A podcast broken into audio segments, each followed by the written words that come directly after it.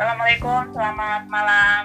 Waalaikumsalam, selamat malam Mbak Vita, apa kabar? Alhamdulillah Bu Isti, akhirnya kita ketemu lagi dengan Ramadan Bu di tahun 2020 ini Bu Isti. Alhamdulillah.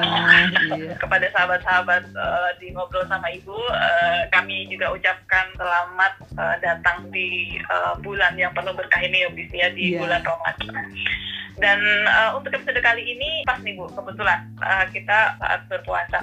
Nah, uh, sebenarnya kalau kita mengajarkan puasa itu dari kapan Bu ya untuk anak-anak kita ya Bu ya? Baik, puasa itu memang sebuah kewajiban eh, sebagai seorang umat Islam, tetapi memang tidak bisa kewajiban itu tanpa dilatih. Jadi dilatihnya itu kalau menurut saya adalah mulai dari saat mengandung, ibunya mengandung hamil, bayi, kemudian usaha sekolah eh, dini. Jadi pada waktu playgroup, TK, SD sampai pada masa balik. Pada masa dia seseorang itu sudah wajib untuk berpuasa. Nah, kalau gitu berarti ada beberapa tahapan. Kalau malam ini berarti kita bahas dulu mungkin tadi sebelum lahir sampai uh, bayi Bu ya. Baik, eh, sebenarnya pada waktu sebelum lahir ya Mbak ya, pada waktu bayi, kita bisa mengenalkan puasa eh, dari ibu atau bapaknya. Yang utama adalah dari ibu.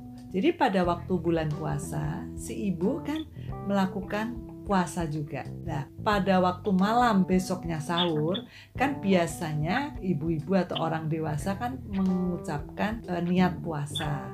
Nah, kita sebelum mengucapkan niat puasa, kita juga bicara pada anak. Adik, besok kita puasa. Malam ini kita berniat puasa yuk.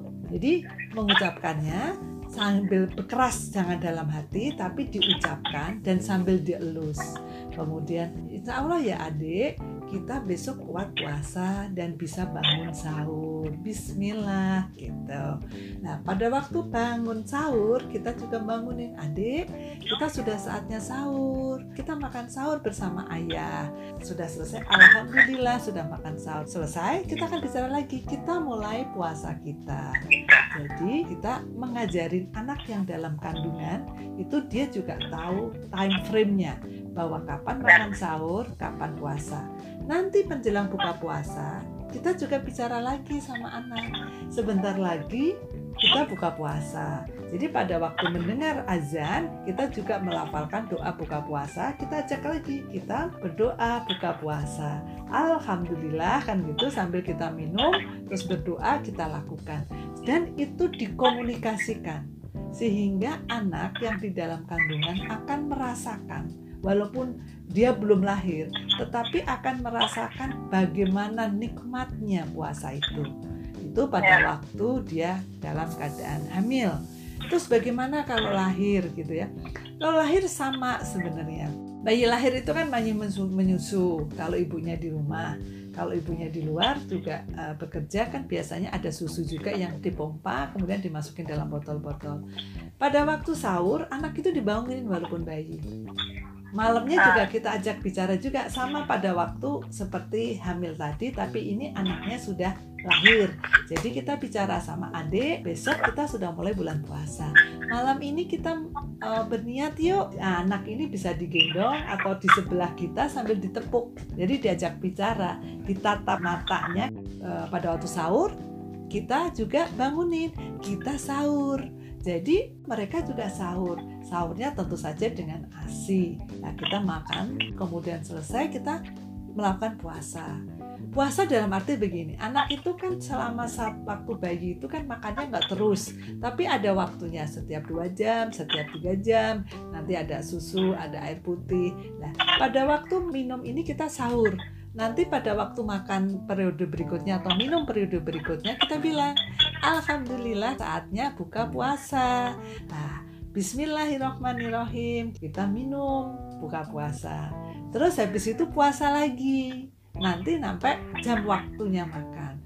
Tapi kita komunikasikan adalah sahur, buka puasa, puasa lagi, buka lagi gitu. Dan nanti pada waktu azan kita akan bicara, alhamdulillah azan maghrib sudah terdengar. Ibu buka puasa, kita semua bisa buka puasa, bisa makan bebas, tidak puasa lagi sampai nanti sahur.